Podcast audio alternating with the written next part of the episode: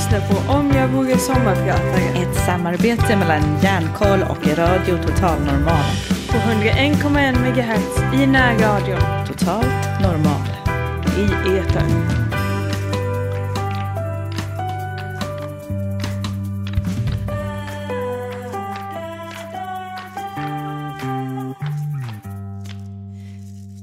Jag minns inte exakt när det hände. Det kom liksom smygande vart efter. Sen när jag började förstå kunde jag se att det hade börjat för länge sedan. Men nu förstod jag absolut ingenting. Och jag hade inte ens ork att bry mig. Jag såg på min man och kände ingenting. Alltså inte, jag älskar dig inte längre utan ingenting. Det var tomt. Jag hade förlorat förmågan att känna någonting alls. För någon eller något överhuvudtaget. Nej förresten inte helt. Det fanns en känsla kvar. Och det var sorg. Det var när jag såg på dig. Du var två år och det mest underbara lilla pojke jag någonsin mött. Alltid glad och full av liv. Vi två var bästa kompisar. Och jag längtade till klockan skulle bli åtta och du skulle sova. Så att jag slapp ha dåligt samvete för att jag inte orkade leka med dig. Jag ville ge dig allt. Men många gånger kunde jag inte ens borsta dina tänder utan att fullkomligt tappa koncepten. Att bära den skulden var outhärdligt. För den var konstant. Jag visste mycket väl vad som var rätt och fel. Jag kunde vara min egen moraliska bödel. Och det var jag också. Och jag var obeveklig. Skulden var uppenbar. Skammen var överallt. Själva definitionen av att leva är förmågan att känna. Och den hade jag tappat. Ändå var jag inte död. Jag var i något slags vakuum. Inte förrän år efteråt skulle jag förstå hur allvarligt sjuk jag var. Att jag drabbats av det som skulle bli en av vårt samhälles största utmaningar. Det som mängder av människor skulle ha framför ögonen utan att kunna se det. Trots att det ofta leder till döden. Eller åtminstone till att man förlorar livet. Jag talar om utmattning. Om konsekvenserna av att bita ihop och känna efter sen. Om hur anpassningsbarhet är ett dödligt gift som långsamt kväver sitt offer. Om hur det största priset många gånger betalas av andra, allt för ofta våra barn. Om hur vi offrar våra liv till en idé om en framtid som sällan blir sann. För vi lär oss att det är okej att leva sen och inte nu. Har vi tur går vi sönder så att vi kan få en ny chans att leva lite annorlunda. Har vi otur dör vi innan vi fyllt 40. Piccolo, Vida, det här är till er. Ni tvingade mig utan att veta om det att hitta styrkan och börja leta efter mig själv. Jag heter Selene Cortez. Om jag hade ett sommarprat så skulle det vara så här.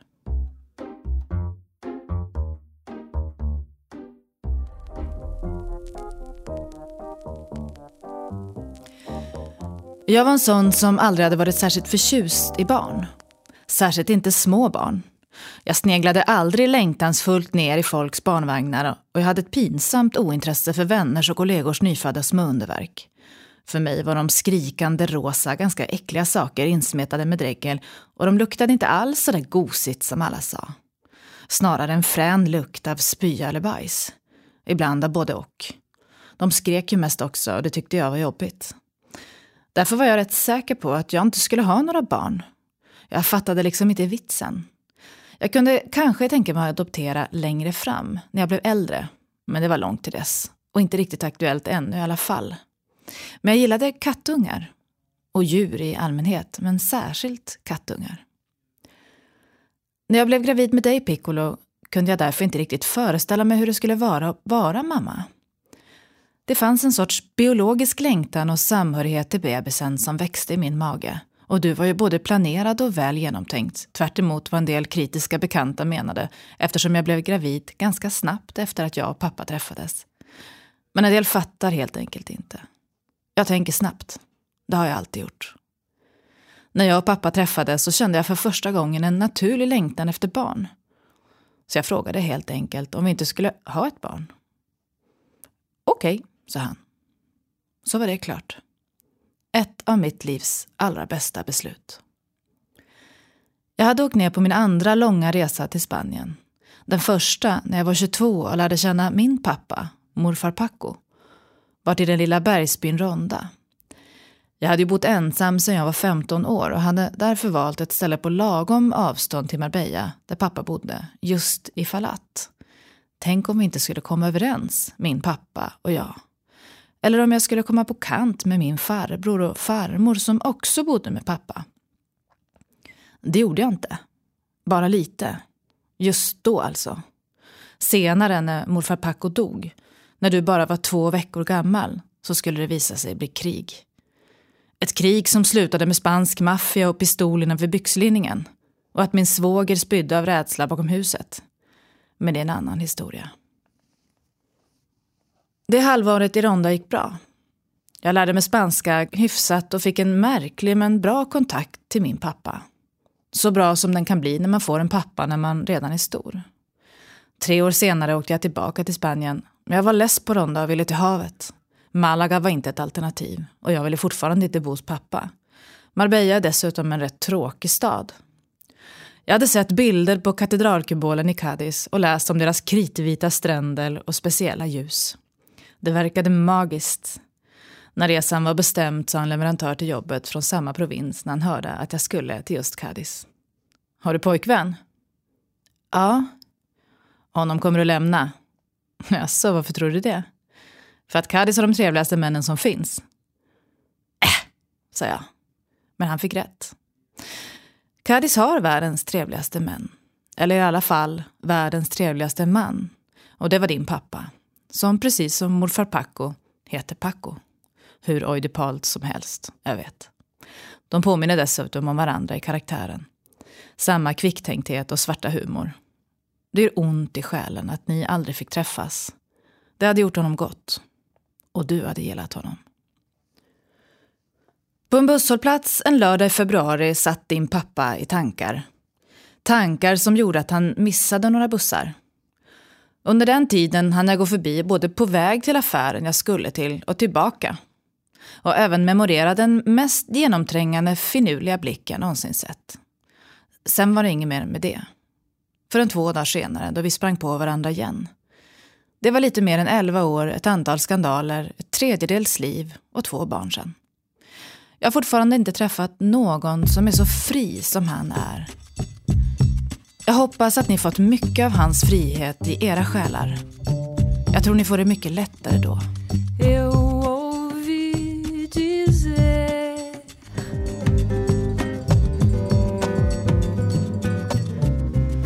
Mitt första minne är när jag bodde med min mamma i lägenheten på Hedlunda i Umeå. Mamma hade en fästman som inte gillade barn. Eller i alla fall så gillade han inte mig. Eller, jag tror att han inte gillade att mamma hade ett barn. Nu råkade det barnet vara jag. Och då var det mig han inte gillade. Jag tar det inte så personligt. Han tyckte till exempel att jag var i vägen och menade klart och tydligt att barn skulle äta själva i köket medan de vuxna åt i matrummet. Det hade blivit väldigt ensamt eftersom jag var det enda barnet. Men mamma sa faktiskt nej till det. Något som jag fortfarande är förvånad över när jag tänker på det. Det är inte likt henne att stå upp för något på det där sättet. Hur som helst. Fästmannen var våldsam, det visste vi sedan tidigare. Och därför gjorde mamma upp en plan med mig. Skulle det vara så att det blev bråk så skulle jag direkt springa och gömma mig under skrivbordet bakom papperskorgen i hennes arbetsrum. Det lät som en smart, vattentät plan som jag också fick användning av. Samma kväll faktiskt. När bråket mycket riktigt bröt ut gjorde jag som jag blivit tillsagd. Jag vet inte hur länge jag satt under skrivbordet men det kändes som en evighet. Det var svårt att urskilja skillnaden på slagen som träffade våra möbler och de som träffade mamma. Jag minns inte om det var då eller någon annan av gångerna som mamma fick revbenen knäckta. Jag var fyra år. Händelser som den här blev återkommande. Det enda som skilde var plats och vem mannen var för tillfället. Känslan och reaktionerna var precis samma. Som när en annan psykopatpojkvän till min mamma tyckte att mormor kom för tidigt och hämtade mig till en tennislektion. Det visade han tydligt genom att haka ner geväret från väggen, osäkrare, ställa sig mitt på altanen och sikta på mormor. Den gången sprang jag inte och gömde mig. Dels så hade jag ingen plan. Så jag stod lamt kvar och stod på medan kylan spred sig i kroppen samtidigt som chocken uteblev. Vid det här laget var jag rätt van. Nu är det så här. Igen. Den här vanan rubbade alla normala reaktioner. Även jag skaffade mig tidigt en psykopatpojkvän och en dag stod han svartsjuk och hålögd och väntade på mig utanför mitt jobb en morgon. Vi hade gjort slut eftersom han hade varit otrogen. Det var förresten en märklig slump att jag fick reda på det. Jag följde med en kompis till ungdomsmottagningen eftersom hon trodde att hon hade fått klamydia. Det hela var oerhört invecklat och hon visste inte vart hon skulle gå. Jag visste och passade på att kolla muffen när jag ändå var där. Rutinkoll är aldrig fel. När de sedan ringde från mottagningen och meddelade att det var jag som hade klamydia svarade jag därför helt lugnt. Nej, det är fel. Det är min kompis, men hon är tyvärr inte hemma just nu. Jag hade ju varit tillsammans med psykopatpojkvännen i nästan två år och jag var ju och är en enfaldigt trogen typ som aldrig skulle få för sig att vänstra, så jag var ju säker på att jag hade mitt på det torra. Nej, det var inte henne det sökte, utan det var mig. Positivt på klamydia och ville jag vara så god och komma dit snarast för att spåra smittan och få antibiotika. Spåra smittan gick ju fort. Att skriva recept också. Det som inte gick särskilt fort var att förstå hur det här hade gått till. Jag var naiv på ett sätt som man är när man vuxit upp i Umeå med en rörig morsa och tror att alla har samma längtan efter stabilitet och familj som jag själv hade. Det tog ett tag, men han erkände till slut. Jag var förkrossad. Han var tvungen att gå till gyn han med. Det var bara det att hans test var negativt. Det vet jag helt säkert eftersom han faxade resultatet från Karolinska institutet till mitt jobb. Chefens min var obetalbar när han spänt meddelande att jag hade ett fax till mig inne på hans kontor. Hur som helst. Trots hela den där historien så stod hon och väntade på mig utanför jobbet som servitris på en av Stockholms mest klassiska krogar den där morgonen.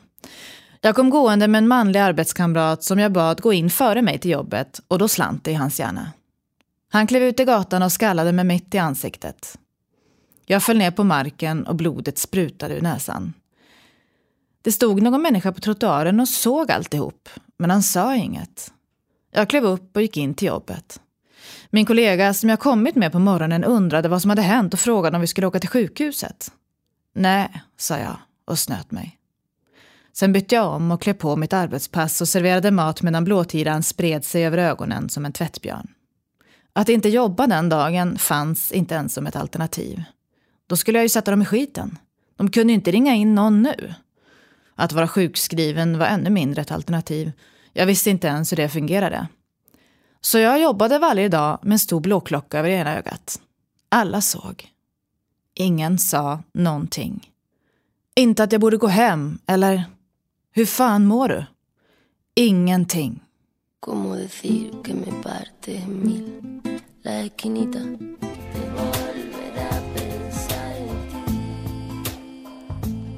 Gång på gång under barndomen fick jag bekräftat vikten av att alltid behöva vara på min vakt. Det är intressant vad som händer med ett barn som lär sig om faror så pass tidigt. Jag blev ständigt beredd. På exakt vad var inte helt klart. Bara på att katastrofer var något som kunde inträffa när som helst och hota dem jag älskade mest. Min hjärna har förmodligen aldrig vilat sedan dess. Om jag hade varit ett djur hade jag nog varit en tiger. En sådär som i unga år var en vältränad, smidig sak och som ständigt var på jakt. En sån som man hade sett på och beundrat och tänkt, titta vilket vackert djur. Vilken spänst, vilken vitalitet där jag hoppade omkring på savannen jagandes någon stackars mager antilop. Det var bara det att ingen skulle lägga märke till att den här tigen aldrig låg i solen och slött smaskade i sig sina byten, utan åt lite i farten medan den sprang, vilket den gjorde hela tiden, dag och natt, och till slut föll den ihop och blev nästan död. Idag är den långt ifrån ett smidigt vackert djur utan ett tufsigt, tovigt och väderbitet ett som gärna lägger huvudet i ditt knä så du kan klappa den lite. Springer gör den inte heller längre, för den kan inte. Den har ont i benen. Men ryta och bitas kan den fortfarande och barnen vaktar den med alla sina sinnen. Kanske var det den här normaliserade inställningen till hot och våld som gjorde att jag kraschade så hårt när du, Piccolo, föddes. Jag hade ju som sagt ingen vidare koll på det stora i att få barn. Jag hade ju jämfört det med att få kattungar och tyckte det var stort. Så när du föddes kom chocken. Helt plötsligt fick jag ett nytt perspektiv till att vara barn och att ta hand om dem. Min första kris kom redan på BB. Jag hängde armarna på barnmorskan och försökte förklara att det var livsviktigt och det enda logiska att göra att hon följde med mig hem och stannade tills du åtminstone börjat skolan. Jag var livrädd för ansvaret det innebar att se till att du skulle ha det så bra som möjligt och att skydda dig från allt som möjligtvis kunde såra eller skada dig på något sätt. Och jag förstod att jag hade taskiga referenser. Vad skulle jag göra om du var ledsen och jag inte förstod varför? Hur skulle jag veta om gråten betydde att du var hungrig eller höll på att dö av smärtan från en elakartad tumör som inte syntes utan på kroppen? Jag fick aldrig med mig barnmorskan hem och när jag satt första kvällen hemma med dig i famnen så kom en sorg över mig som var så stor att jag var säker på att jag skulle drunkna i den. Ett så här litet barn. En kärlek så stor så att jag blev rädd. Så hjälplös. Vilket ansvar. Vilken gåva. Det var helt ogripbart. Något som också blev helt ogripbart var att man som mamma som såg konkreta risker för sitt barn kunde bestämma att man skulle gömma sig bakom papperskorgen under skrivbordet längst in i arbetsrummet istället för att ta barnet och fly. Och minimera riskerna. Jag kan tänka mig att det enda rimliga kravet jag haft på mig är att bli den absolut bästa mamman till mina barn. Men jag hade inga verktyg. Jag hamnade i mitt livs största kris. Det blev tilt i mitt huvud. Total härdsmälta. Ett och ett halvt år senare var utmattningssyndromet ett faktum. Jag var ett sårat djur som låg i sängen utan att kunna gå upp. Jag kunde inte känna någonting utom ett logiskt förklarat dåligt samvete eftersom jag förstod att det knappast var så här världens bästa mamma hanterade livet. Jag kunde knappt kalla det för liv förresten. Spillrorna av det som varit min tillvaro som låg och glödde runt mig och liksom pekade finger. Aldrig har begreppet utbränd varit bättre. Jag var helt utbränd. Svartnad och förkolnad och med askan som flög omkring okontrollerat runt om. Till synes inget liv kvar. Du, Selene, klockan är fyra och jag ska hämta på dagis nu. Ska du kliva upp? I bästa fall en reaktion. Mat på bordet för att vi måste. Längtan till att klockan skulle bli åtta så jag fick en paus i det malande dåliga samvetet om hur lite jag fungerade. Samtidigt den enorma tröttheten som aldrig gav med sig oavsett hur mycket jag sov. Jag flydde in i lättsmälta såpor. Allt som fick hjärnan att fokusera på annat och som inte krävde någon vidare ansträngning för att ta in. Jag har aldrig sett så mycket på tv. Kanske är det därför jag undviker det idag. Men det allra värsta var den jag blev mot dig i allt det här. Tålamod och stresstålighet var under noll. Jag var som en ballong uppblåst till max, så varje litet pet gjorde så att jag exploderade. Gång på gång. Ibland värre än andra gånger och ibland flera gånger samma dag. Alla de förmågor som man behöver för att vara en närvarande förälder där gränser sätts på en sund nivå skrek med sin frånvaro. Jag slogs inte, men jag vet ju också allt för väl att det inte alltid spelar någon roll. Mitt beteende var långt ifrån det som världens bästa mamma borde ha och mitt hjärta blödde. Piccolo betyder liten. Din pappa valde det namnet efter El Piccolo Principe, hans favoritsaga om den underfundiga lilla prinsen som ser världen genom sina kloka barnögon och är så fylld med visdom. Det var ett bra namn. Du är precis så. Du lär mig nya saker varje dag. Jag älskar dig så mycket. Vi tankade varandra på nätterna du och jag. Vi låg tätt, tätt i sked. Du med din rumpa tätt intryckt i min mage och jag med näsan djupt nedborrad i ditt hår som ofta blev blött av mina tårar.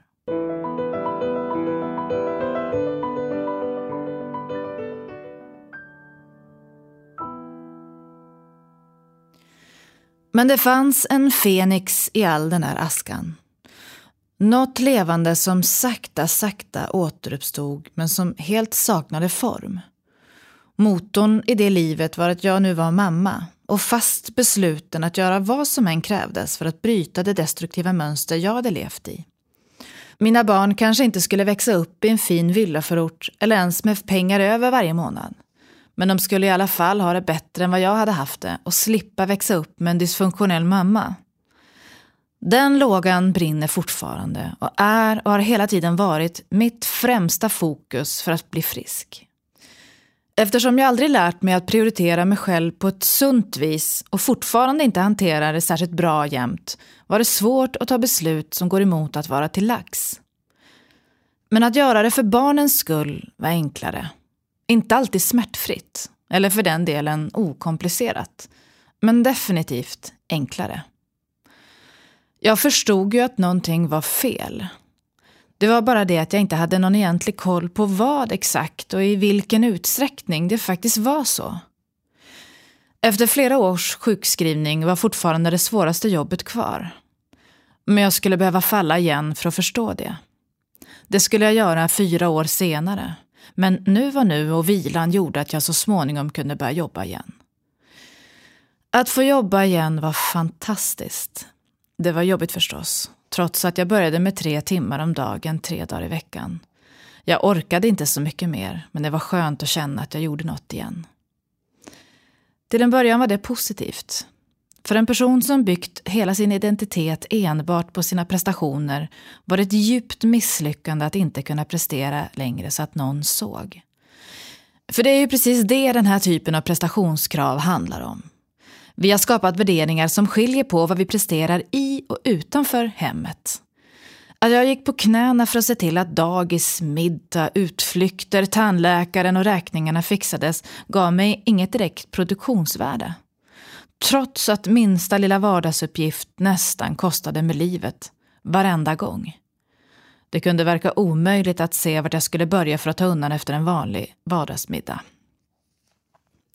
Det är just det här som är ett av symptomen vid utbrändhet. Att små saker som tidigare varit enkla och som man gjort av bara farten helt plötsligt verkar omöjliga. Tröttheten har liksom spunnit in en i ett tjockt, klibbigt och osynligt nät som gör att det är svårt att röra sig överhuvudtaget. Nätet har bonat in sig kring hjärnan också och man verkar ha ungefär samma IQ som fiskbullar. Det är oerhört frustrerande, särskilt när man som jag en gång varit rätt kvick. Jag kan fortfarande komma på mig själv i samtal där min hjärna plötsligt bestämmer sig för att bara lägga av. Stopp. Som ett glas man häller vatten i ungefär. När det är fullt är det fullt och man kan inte tänja på glasets gränser. Helt plötsligt så ser jag bara en mun som rör sig och jag hör ljud, men har ingen som helst aning om vad det är personen säger. Det begränsar en. En hel del. Att helt plötsligt känna att man misslyckas konstant tär också på självkänslan och på ens uppfattning av ens egen identitet. Vem är jag när jag inte presterar? Vem är jag när jag inte får räkna mina prestationer? Jag frågade mig själv gång på gång. Det hemska är att jag inte hade något svar på den frågan. När jag senare jobbade med gängprevention och intervjuade unga före detta medlemmar i kriminella gäng slog det mig hur många likheter våra uppväxter hade. Enkelt uttryckt så var det bara sättet att hantera ångest och utanförskapet som skilde oss åt i grund och botten. Istället för att ta droger och slå in på en kriminell bana så hade jag flytt från min ångest genom att aldrig ge den tillfälle att slå rot. Genom att aldrig stanna upp. Sett till att agendan alltid varit full och att vara aktiv tills jag stupade i säng och somnade med en gång. Inte en enda stund stillhet. Det här förstod jag förstås inte förrän senare, men dock. Jag hade alltså byggt min identitet kring de ångestdämpande prestationerna så fast att jag inte hade någon aning om vem jag egentligen var när jag inte presterade. Jag började också sakta förstå att anledningen till att jag inte visste det var för att jag för länge sedan slutat koppla in hjärtat i mina beslut utan jag använde strikt hjärnan. Alla beslut vägdes noggrant för och emot och sedan fattades det mest rationella beslutet. Det mest logiska vägt emot de överlevnadsstrategier jag byggt upp redan som barn. Det här med hjärtat var övergett för länge sedan. Jag levde mitt liv i en tydlig och konkret tanke om sen. Jag gör det här nu så kan jag vila sen. Jag fixar det här nu så kan jag njuta sen. Jag jobbar nu så har jag pengar sen. Det var bara det att sen aldrig blev nu. Jag dansade mycket som barn. Ballett och modern jazz. Jag var rätt bra också och så pass intresserad att jag ville satsa på en danskarriär. Det fanns ett dansgymnasium i Umeå och med mina klasser sex dagar i veckan såg det ljust ut att komma in. Det blev dags att välja till gymnasiet och jag valde det enda självklara. Treårig humanistisk linje. Bred baskunskap och mycket språk. Jag hade ju haft lätt för mig i skolan i de flesta ämnen och gått ut som klassetta i nian. Men matte har jag alltid tyckt var ganska tråkigt så natur var inte aktuellt. Språk var däremot helt okej. Okay. Det där med dans, det kunde jag göra sen. Det var dessutom väldigt osäkert. Bara några få når toppen. Du måste jobba stenhårt och risken för skador är stor. Pensionsåldern för en dansare är dessutom väldigt låg. Få har lång karriär. Så huvudet klev in och gjorde ett rationellt val. Det hade dessutom börjat bli rörigt hemma och mellan mig och mamma var det mer eller mindre krig. Det tog energi och jag hade också kommit in i tonåren och med det upptäckt att det fanns fler grejer att lägga fokus på i livet än dans. Eftersom jag inte kunde göra någonting utan ambitionen att vara bäst på det så blev det en situation av antingen eller. Och hjärnan valde eller. Ett val jag idag ångrar bittert. Om mitt vuxna jag fick ge ett råd till den lilla Selene som valde mellan dans och humanistisk linje så skulle jag säga ungefär så här. Selene, gör det du vill helst just nu. Det spelar ingen roll om du inte dansar mer sen någonsin i livet. Men livet tar så många vändningar och du kan omöjligt förbereda dig för alla dem nu. Och verkligen inte genom att välja humanistisk linje. Det vore dessutom bra om du slutar ta så mycket ansvar för allt hela tiden och ha lite roligt också. Du kommer att bli en rätt tråkig, ängslig besserwisser när du växer upp annars. Din barndom var alldeles för grå och tråkig. Du borde ha fått leka mycket mer. Det är ett barns rättighet att inte behöva planera framtiden så där i detalj som du gör. Så gå du danslinjen. Och du, sluta ha så dåligt samvete hela tiden. Samma princip styrde även ett annat val några år senare i mitt liv. Jag skulle börja läsa på universitetet och funderade över det mest logiska och smarta valet. Juridik eller statsvetenskap? Juridik var ju för sig bra, men då kan man ju bara jobba med juridik. Men statsvetenskap däremot, det kunde man bli en mängd olika saker med. Dessutom resonerade min hjärna, jag har ju alltid velat bli så olik min mamma som möjligt. Och motsatsen till hemmalektyren som mest bestod av Hänt Extra och Veckorevyn måste väl ändå vara politik. Alltså var statsvetenskap det självklara valet. Hjärtat fick än en gång stå bredvid och vänta till ett sen som aldrig kom. Statsvetenskap är för övrigt skittråkigt. Läs inte det.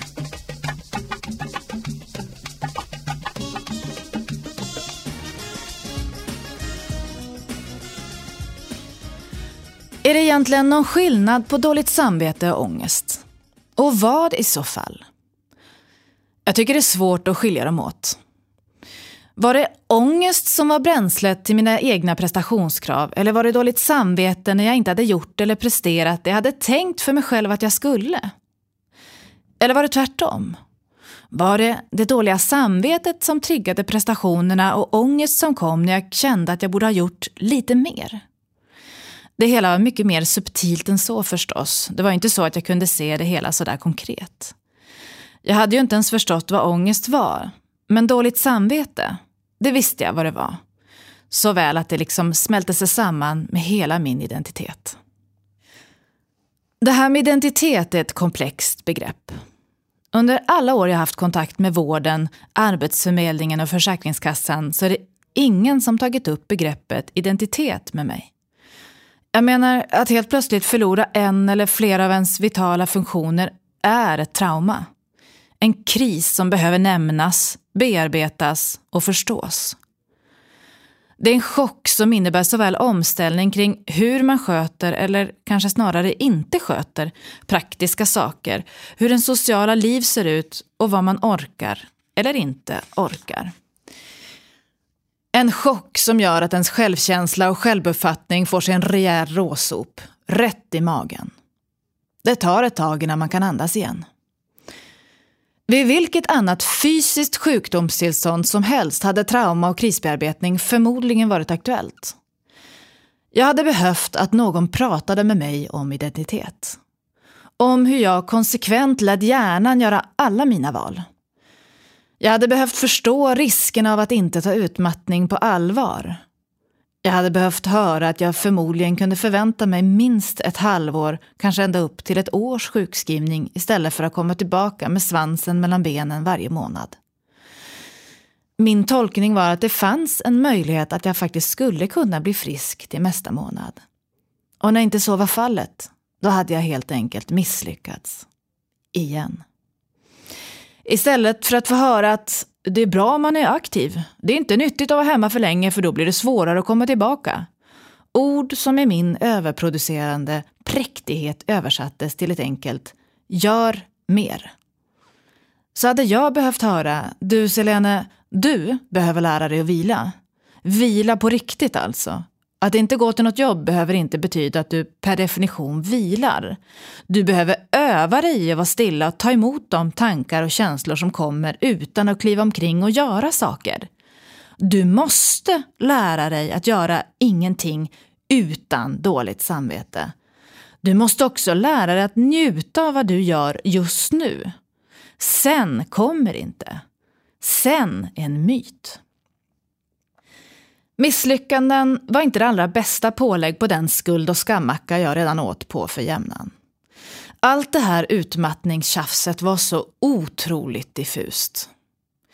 Jag hade ingen feber, inga brutna ben. Jag kunde gå hyfsat och det syntes inte utanpå. Jag hade visserligen döda ögon men det märkte man bara om man kollade efter noga. Och det var det rätt få som gjorde. Jag undvek att se mig i spegeln. Och så mindes jag inte när jag skrattade sist. Alltså inte sånt där krystat artighetsskratt som man klämmer ur sig till kassörskan på ICA, utan ett sånt där som kommer ända från magen, susar förbi hjärtat och exploderar i hjärnan, fast på ett bra sätt. Det var inte heller så att jag låg som en död fisk jämt. Vissa stunder kändes det till och med helt okej. Okay. Då blev tvivlen ännu värre. Jag kanske bara är lat. Ångesten slog till mig i bakhuvudet med ett slagträ och det var omöjligt att vara stilla. Jag hade gått sönder och jag hade inget lim. Så jag städade någon garderob, rensade förrådet, skapade ett klädmärke och tvättade lite bakom spisen. Allt för att fly från sorgen och det ohanterbara. Som sagt, vem var jag när jag inte presterade?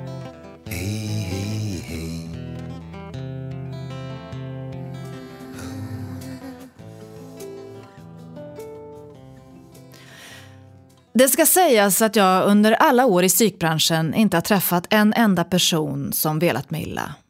Inte någon. Jag har alltid blivit väldigt bra bemött och jag känner att man har nästan alltid låtit mig komma till tals och faktiskt försökt hjälpa mig så gott de har kunnat.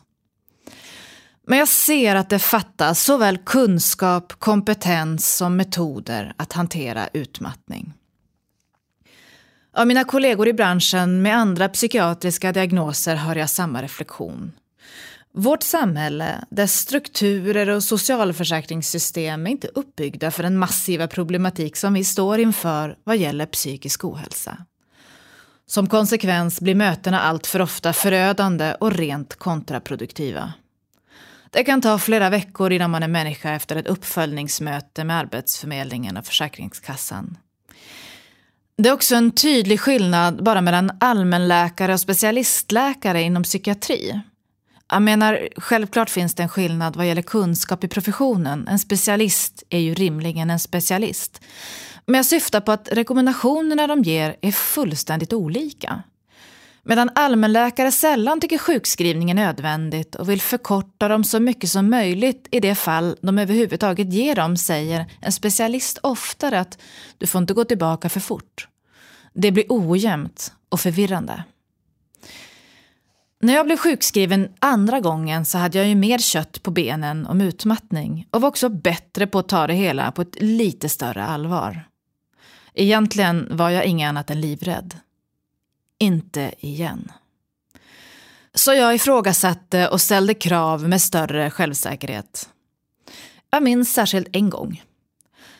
Jag hade varit sjukskriven ett bra tag och hade en handläggare på Arbetsförmedlingen som verkligen tog sitt jobb på största allvar.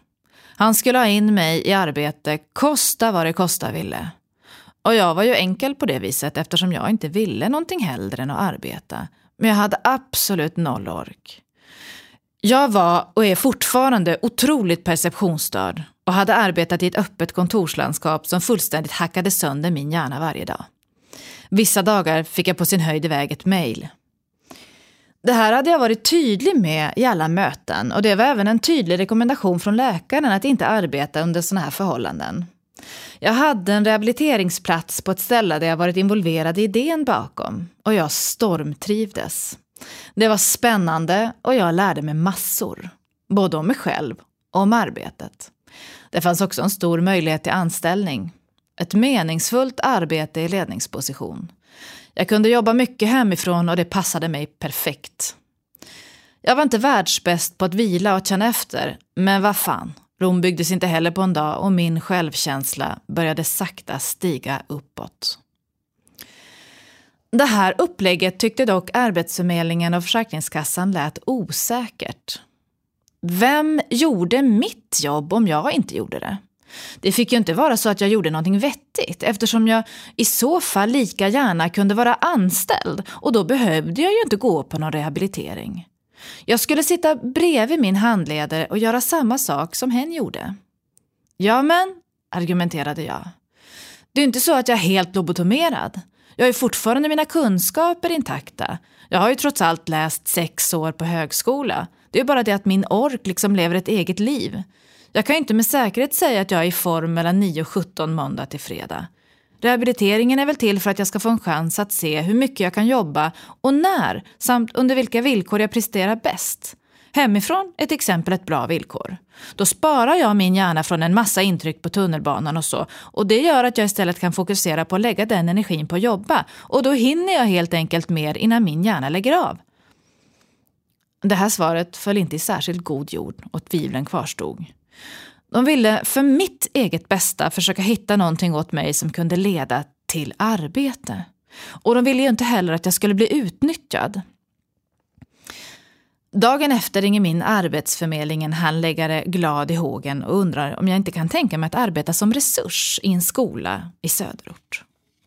Resurs, frågar jag. Är inte det till barn med särskilda behov?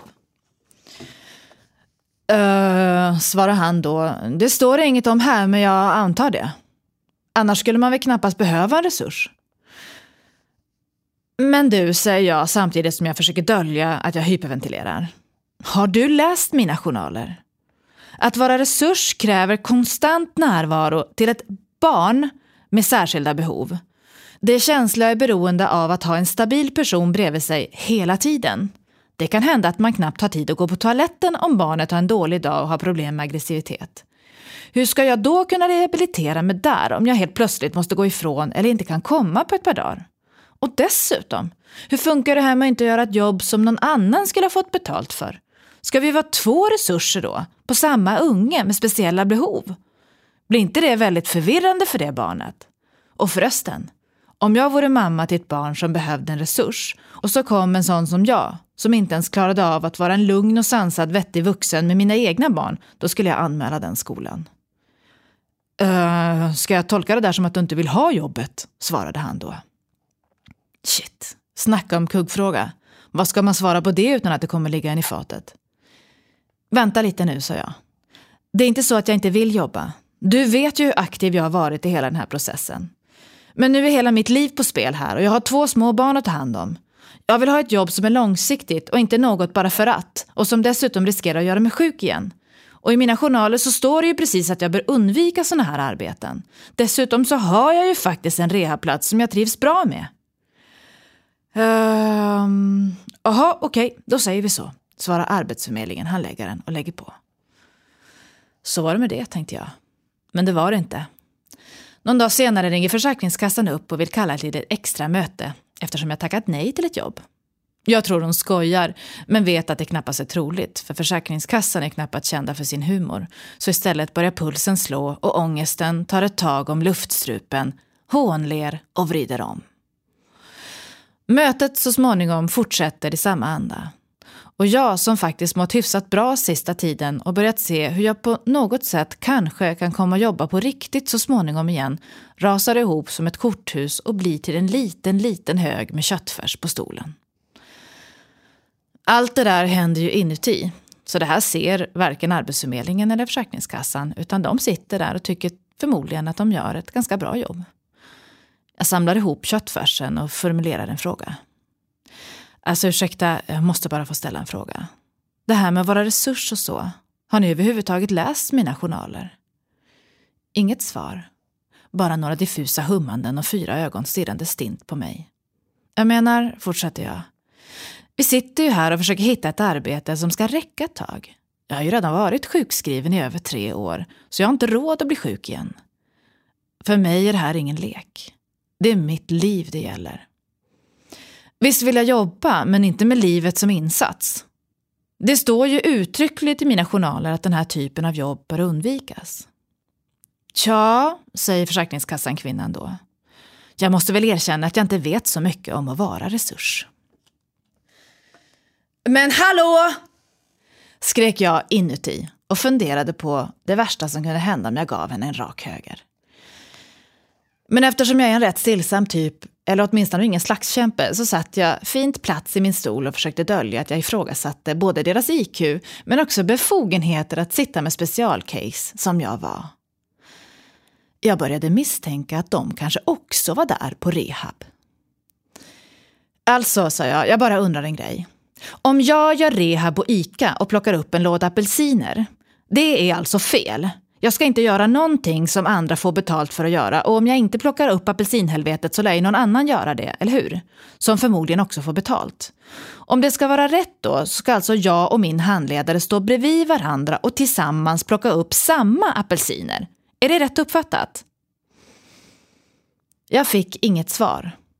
Bara en sån där övergång som jag tror ingår i rekryteringsprocessen vid myndigheter. Du vet, en sån där där myndighetspersonen struntar i dig fullständigt med minen av att du är en trotsig tonåring som vi inte kommer att låta dra med oss i sina argumentativa dialoger. Vi vet bäst och du vet inget. Vi har makt och nu tänker vi använda oss av den så att du blir tyst någon gång. Trots detta är jag övertygad om att de faktiskt försökte hjälpa mig så gott de kunde. Men som sagt, det saknas så otroligt mycket kunskap kring frågor som rör psykisk ohälsa och vi behöver byta ut många av våra förlegade system som mer skälper än hjälper.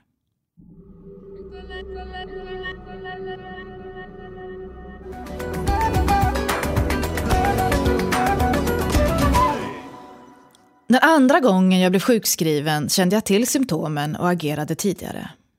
Inte i tid, men tidigare. Jag hade ju visserligen vilat första gången jag blev sjuk, men jag hade inte förstått var all den här ångesten kom ifrån. Jag hade ju som sagt inte ens förstått att det var ångest. Det var när jag gick på ångestskola på öppenvårdsmottagningen som jag förstod att jag inte visste vad ångest var eftersom jag hade haft ångest varje dag, hela tiden i mitt liv, så långt bak jag kunde minnas. Alltså hade jag inte heller lärt mig att hantera varken jobbet eller livet på något annat sätt än på samma gamla vanliga. Jag tog visserligen fler pauser, åtminstone ibland. Och jag satt ner när jag åt lunch. Men det hjälpte inte alltid. Jag hade ett enormt trauma jag behövde ta itu med. Och sen var det flera faktorer på arbetsplatsen som gjorde att jag började må riktigt dåligt. Jag blev livrädd. Jag var inte beredd att gå igenom allt igen. Ändå fortsatte jag lite till. Det sprack en dag när jag hade lämnat din lilla syster på dagis. Dragkedjan i mina höga kängor gick sönder och stövelskaftet hasade ner längs vristen som ett visset bananskal. Sloff, sloff, sloff lät det när jag gick. Jag räknade ut att jag behövde gå hem och byta skor för det var omöjligt att gå på möten sådär. Jag skulle bli mer än en timme sen till jobbet och jag hade inte tid, inte lust och inte ork. Så jag bröt ihop. Mitt på dagis. Lille skuttårarna sprutade åt alla håll och jag ringde till Paco som hade bilen och fick vända, var det nu var han var någonstans, och kom och hämta mig. Jag var helt förstörd. Um, hur mår du? frågade han retoriskt. Det hade ju annars varit lätt att gissa. Jag orkar inget mer, snorade jag. Du, ser du vad som händer? Jag nickade sorgset och så började Lille Skutt hulka igen. Ska du ringa läkaren? Jag nickade igen och snöt mig. Jag ringde samma dag till psykiatriska öppenvården vid Globen. Jag hade inga som helst tankar på att gå tillbaka till kuratorn som med ett halvt kilo snus under läppen retigt förklarade för mig att han ansåg att jag ältade för mycket. Om jag slutade med det så skulle det mesta lösa sig.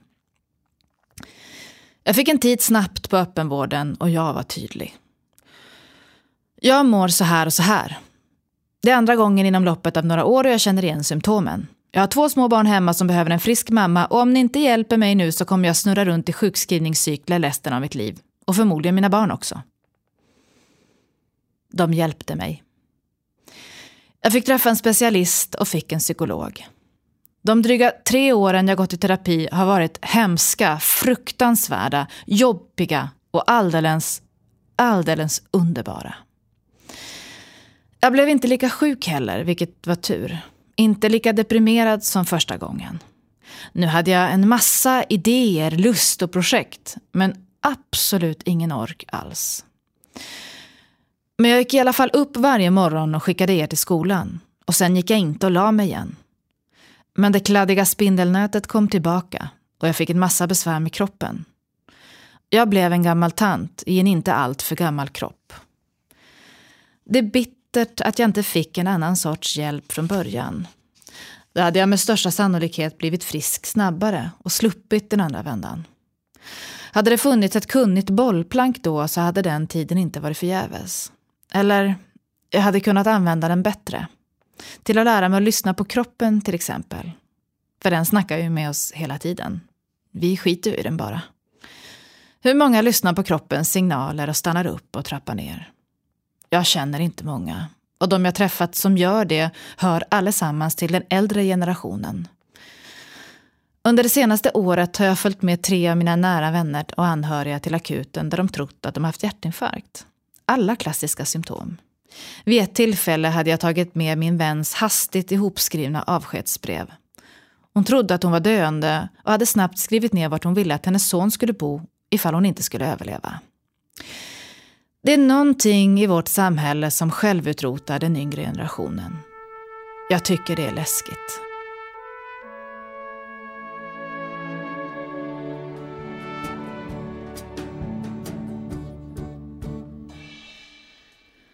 Bara för att man blir sjuk betyder inte att ens biologiska funktioner helt stannar av. Vi ville att du skulle få ett syskon. Vi ville dock att det här syskonet skulle få komma till en hyfsat stabil familj, så vi hade medvetet sett till att det inte kom något syskon när jag mådde som jag gjorde. Det gjorde längtan bara ännu större, men vi bestämde att vi kämpar oss igenom det här. Vår belöning var ett till barn. När jag så småningom började jobba och läget kändes ljust så bestämde vi att nu var det dags. En bebis till. Även den här gången gick det fort. Jag blev gravid direkt. Det kändes annorlunda den här gången och jag var tveksam. Oroa dig inte, sa barnmorskan. Alla graviditeter är olika. Det är inte alls säkert att du mår likadant nu som sist. Jag var fortfarande inte övertygad. Någonting var annorlunda på ett inte bra sätt och jag kände det i hela kroppen. Jag hade ont i magen och började blöda lite grann. På akuten sa de att jag hade haft ett missfall. Ett missfall, sa jag. Jag har ju bara blött droppvis. Ja, men livmodern är tom. Jag hade fortfarande ont i magen på ett envist skumt sätt och mådde konstigt. Magkatarr, sa samma akutläkare och gav mig två tabletter Novalucol. Du, sa jag. Det är det inte. Jag har haft magkatarr sedan jag var tonåring och vet exakt hur det känns och det är inte så här. Tro mig, jag är en magmänniska och kan känna skillnad på alla möjliga typer av magont. Jag är lite som en ko. Tar du de här så ska du se att det ger med sig, ignorerade han mig. Du får en återbesökstid imorgon bitti också. Jag hann bara vara hemma några timmar så svimmade jag av i köket. Precis när jag svimmade så vaknade du Piccolo och ropade efter mig. När jag inte svarade så sprang du upp och fick självklart panik när du såg mig liggandes på golvet. Paco glömde bort all svenskan kunde när han skulle ringa ambulansen och jag fick ta över samtalet när jag hade kvicknat till. Jag kunde inte gå upprätt. Efter en helvetesnatt på sjukhuset fattade de äntligen vad det var. Jag hade inte haft något missfall.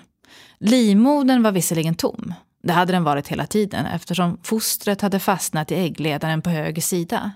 Det hade vuxit där, ända tills äggledaren spruckit och började läcka ut blod i magen. Under akutoperationen tog de bort den spruckna äggledaren tillsammans med en liter blod som runnit ut i magen. Jag sa ju att något inte var som det skulle. Det här gjorde vår längtan efter ett barn till ännu större och magen läker tydligen snabbt. Jag var gravid igen på nolltid och den här gången så kändes det rätt i hela kroppen. På ultraljudet såg man hur ett minihjärta slog i livmodern och man kunde se att ägget kommit från äggstocken på höger sida. Alltså den sida som numera verkade utan äggledare. Kroppen är så fiffig. Så den vänstra äggledaren svingar sig helt enkelt över och fångar ägget på sidan utan äggledare. Vida betyder liv. Och du kunde inte ha ett mer passande namn. När jag födde dig Piccolo så hade jag gått upp 13 kilo totalt och då var tre kilo bara vätska på slutet. Nu hade jag gått upp 13 kilo innan halvtid och jag kände mig snyggast i hela världen. Med dig Vida blev jag enorm och folk blev fulla i skratt när de såg min jättemage. Den såg inte ut att vara på riktigt. Trots att jag var så stor, kräktes våldsamt i fem månader och hade så mycket vätska i kroppen att läkaren ville sjukskriva mig redan i fjärde månaden, knappt kunde gå och inte sova i någon ställning alls, så har jag aldrig mått bättre. Du, Vida, var magisk redan när du låg i magen. Du ville aldrig komma ut. Dagarna gick över tiden och jag trodde att jag skulle explodera. Men sen förstod jag att du ville bestämma själv. Som vanligt. Såklart att du bestämde dig för att komma mitt på en fest. Vem skulle inte ha gjort det om hen fick välja? Vi åkte raka vägen från festen upp till Södersjukhuset. Jag kom på att jag ville fortsätta festen i förlossningsrummet så Paco fick åka tillbaka och hämta sedeln från festen. För jag hade minsann läst i papperna att man fick ha musik med sig. Som tur var var det inte så långt. När han väl kom tillbaka undrade vi glatt var vi kunde stoppa in skivan och barnmorskorna tittade frågande på oss. Det var meningen att man skulle ta med sig CD-spelare också. Det hade vi helt missat. Vi såg förmodligen oerhört besvikna ut. För ena barnmorskan kom strax inhoppandes med världens bergsprängare. Hon hade snott den från personalrummet. Tack till världens bästa barnmorskor på SÖS. Pös på er allihop.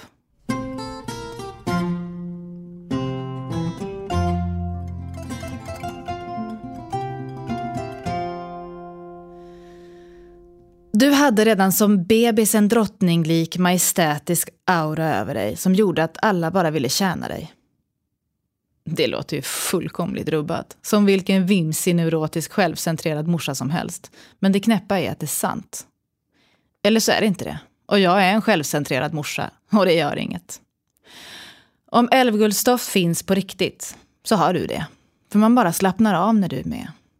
Fastän du är snart fem försöker jag övertala dig att vara hemma med mig om jag är ledig en vardag. Och bara hänga och mysa. Jag älskar dig så mycket. Det är en sån gåva att ha fått möjligheten att bli mamma igen, när inte allt annat var kaos runt om. När vi redan visste hur det var att ha småbarn och inte behövde hantera den relationskris som ofta kommer med första barnet. Piccolo var så fin med dig och blev bara lite sur över att jag ammade dig jämt. Du var ett sånt barn som bara var sol. Du grät knappt. Vi firade din första jul i Spanien när du var fyra månader gammal. Under de tre julveckorna så tror jag att vi hörde dig gråta tre gånger. Du var nästan inte på riktigt. Jag fick till och med frågan om du var utvecklingsstörd eftersom du var så onaturligt tyst. Men det var du inte. Du var bara du. Det där med ljudet tog du igen sen hur som helst. Att få en dotter väcker en hel del tankar. Tjejer är mer utsatta. Vilken förebild kommer du ha? Kommer du också falla i prestationsfällan? Vilken typ av relationer kommer du att välja? En av de viktigaste insikter jag fick i mitt tillfrisknande var det här med att ta hand om sig själv. Hur skulle jag kunna lära er att ta hand om er själva om jag inte gjorde det själv? Hur skulle ni kunna vila om jag inte själv vilade? Hur skulle ni kunna få bra perspektiv på hur mycket som var lagom att jobba om inte jag hade några stopp? Hur ska ni kunna lära er att prioritera er själva om jag inte gör det? Och hur ska ni kunna lära er att känna efter med hjärtat om jag inte kan det? Barn gör ju som sagt inte som man säger, utan som man gör. Det är inte lätt, men jag försöker verkligen hitta en bra balans och vila så att ni ser. Och jag försöker skapa utrymme för er att bromsa och känna efter vad ni vill. Vad ni verkligen vill för att ni är ni och inte för att man borde. Jag försöker också hitta ett sätt att inte döma mig själv så hårt för hur jag mådde under dina första år, Piccolo.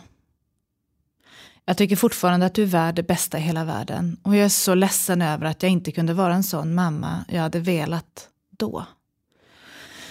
Men jag är stolt över att jag från första sekund insåg att felet låg hos mig och sökte hjälp för det. Jag är också stolt över att jag kämpade mig igenom det svartaste av svarta hål och kom ut på andra sidan. Kanske inte helt hel, men absolut mindre trasig. Jag ser så många föräldrar som har prestige i sitt föräldraskap och aldrig skulle kunna drömma om att söka hjälp. Som en klok läkare en gång sa till mig när jag hulkande frågade varför jag inte fick ihop det. Jag menar, jag har två barn, inte 20 och det var omöjligt att få ihop livet, barnen och hemmet med ett heltidsjobb. Jag tjöt och menade på att andra minsann klarar av det utan att vara sjukskrivna. Men inte jag. Då tittade den kloka läkaren på mig och sa att det visserligen fanns de som också hade barn och som inte var sjukskrivna. Men, sa han, jag är inte så säker på att de klarar av det. Barnen blir alltid lidande. Jag tänker också att ni kan lära er att ingen är fullkomlig. Vi har alla en massa fel och brister, men vågar man inse dem så kan man också göra någonting åt dem. Kanske ni, eller framförallt du Piccolo, kan se tillbaka på den här tiden och vara stolt över mig. Att jag lyckades vända någonting destruktivt och smärtsamt till någonting bra. Det är klart att jag fortfarande blir arg ibland. Svinarg till och med. Du vet, när jag blir sådär spansk. Men jag tappar inte koncepten helt. Jag kan bete mig och vara svinarg utan att passera några sådana gränser. Åtminstone de allra flesta gångerna. Det är så otroligt skönt.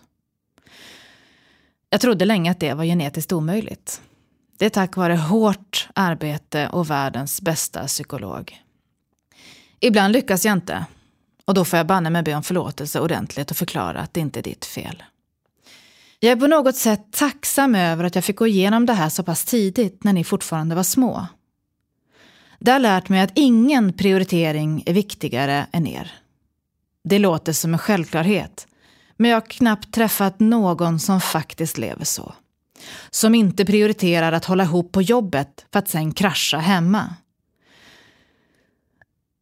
Det finns inte ett arbete som kommer att tacka dig för att du jobbar livet ur dig. Och det finns inte ett barn som inte blir lidande för att du gör det. Och jag är så oerhört stolt över att jag idag kan säga att jag prioriterar er framför någonting annat. Och dessutom veta i mitt hjärta att jag verkligen menar det. Tack för att ni lyssnat. Jag heter Selene Cortez.